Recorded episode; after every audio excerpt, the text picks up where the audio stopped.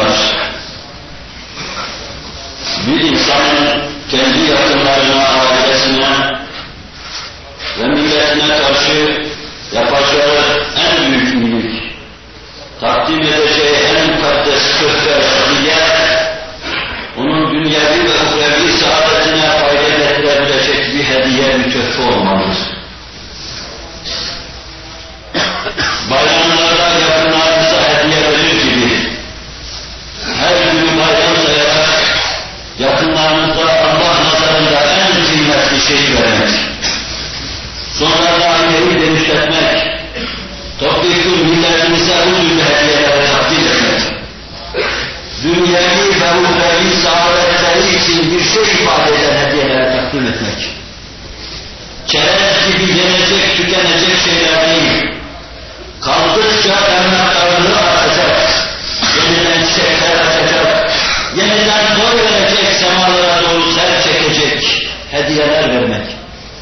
Dünyevi ve uhrevi saadetler için Nebi'nin içinde büyük büyüm, onu daima meşgul eden büyük dava budur. Eğer bu davayı gerçek manada kavramış bir cemaat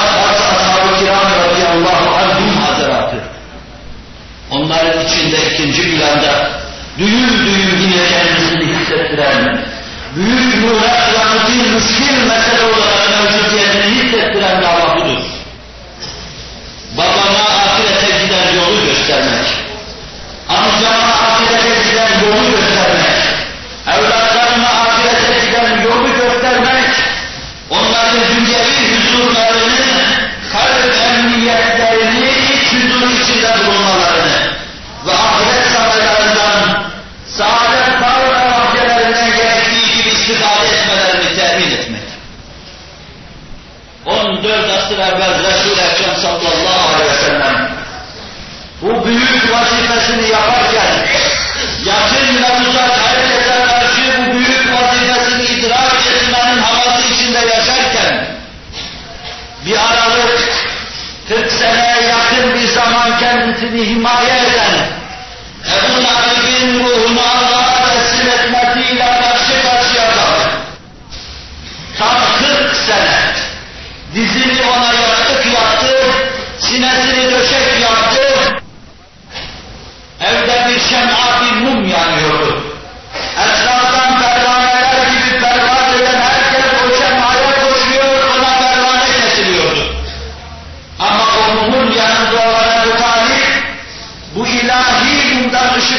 مباجہدہ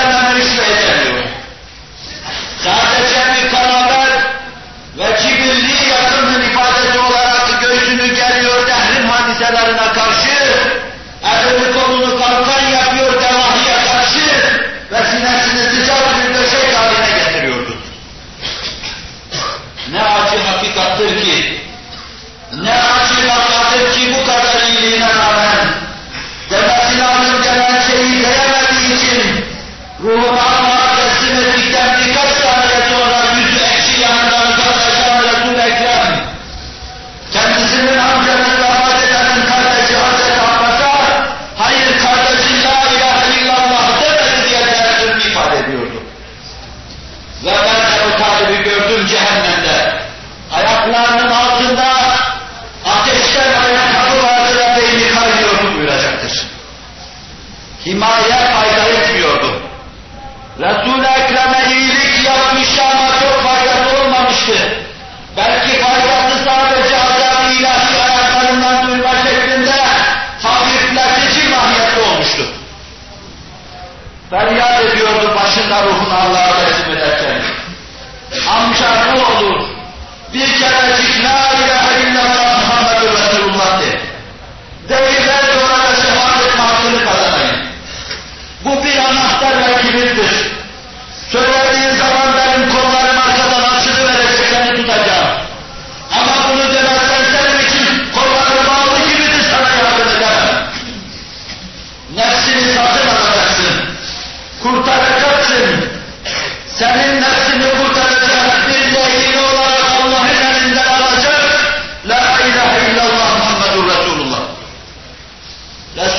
isyan ediyorduk. O onun yüzüne bakıyordu. Oğlum haklısın diyordu. Ama haklısın sözü kâfi değildi. Ebu Cehil ve Ensari Cemal'e Ebu Talib'in başında babanın dedenin dilinden dönmek mi istiyorsun diye şeytanlıklarını ifşa ediyorlardı. Kaderin garip cilvesi. Ebu Talib son sözünü şöyle ifade etti. Hala milleti Abdülmuttalip. Ben İslam dini değil Abdülmuttalib'in dini üzerine ölüyorum. Resul-i Ekrem yanında mahzun kalkıyordu. Çünkü davası buydu. 40 sene kendisine iyilik yapmış bir insana iyilik yapmak istiyordu. O ahirette kendisine şefaat etme şeklinde olacaktı. Mahzundu Resul-i Ekrem sallallahu aleyhi ve sellem. Ona en büyük armağan ve hediyeyi verememişti. Dünyada elinden tutup iç huzuruna kavuşturamamıştı ve oğlunun elinden tutamamıştı. Hidayet ufkuna ulaşamamıştı. Son vazifesini yapacaktı ama Ebu Talip yaşadığı gibi ölüyordu. Nasıl yaşarsanız öyle ölürsünüz. Nasıl ölürseniz öyle haşrolursunuz. Peygamber Aleyhisselatü Vesselam'ın o hakkın kapısını vurmadan içeriye giren Nebiler Nebisi'nin ihraz eden zat-ı muannatın mübarek hanesinin içinde ölseniz dahi demeniz gerekeni demedikten sonra kurtulamayacaksınız. Onun için mahzundu. Ama buna rağmen bir Yahudinin evinde haleti neziyede bir çocuk ruhuna ana teslim etme heyecanla çırpınışları içinde. Yahudi anne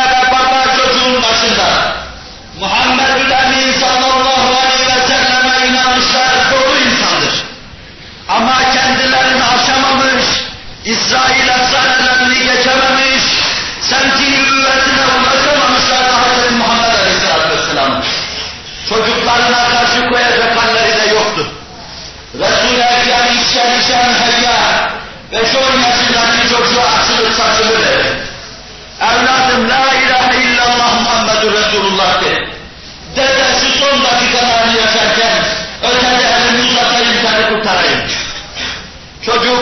babasının annesinin yüzüne baktı. Yahudi hınç ve gayziyle babam babasının annesinin yüzüne baktı. Ama yumuşamışlardı Resul-i Ekrem'in karşısında. Oğlum Ebu Kasım'ın dediğini deyiver diyordu. Çocuk dili çözülmüş gibi, kendisine cennetten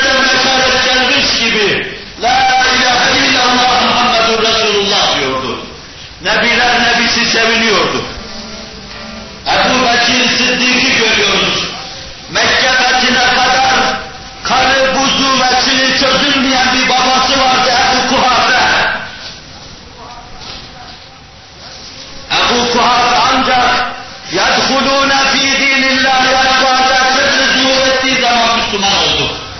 Faruk faruk cemaatle İslam'a halet ettiği zaman Müslüman oldu. Kitle haleti ruhiyeti meydana gelir. Hz. Muhammed Aleyhisselatü Vesselam'ın hakkaniyeti, içtimai hayatta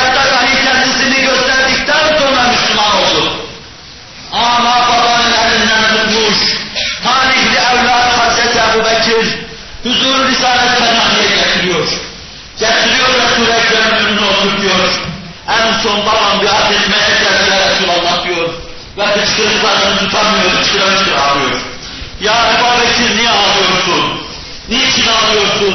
Sevinmeli değil misin? Babam la ilahe illallah Muhammedur Resulullah dedi. Ya Resulallah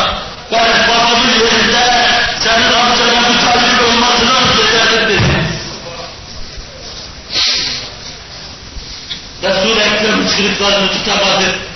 Babam Müslüman oldu ama 40 sene sana kaç her şey yapan Ebu Talip diyemedi, olamadı. Senin şefaatlerini uzatmana müheyya hale gelemedi.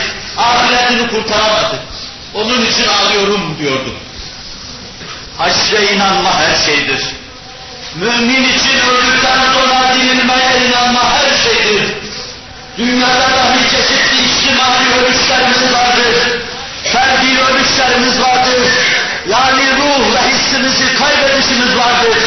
İlim ve fikir planında silinişlerimiz vardır. Bu vadide dahi yeniden dirilmemiz,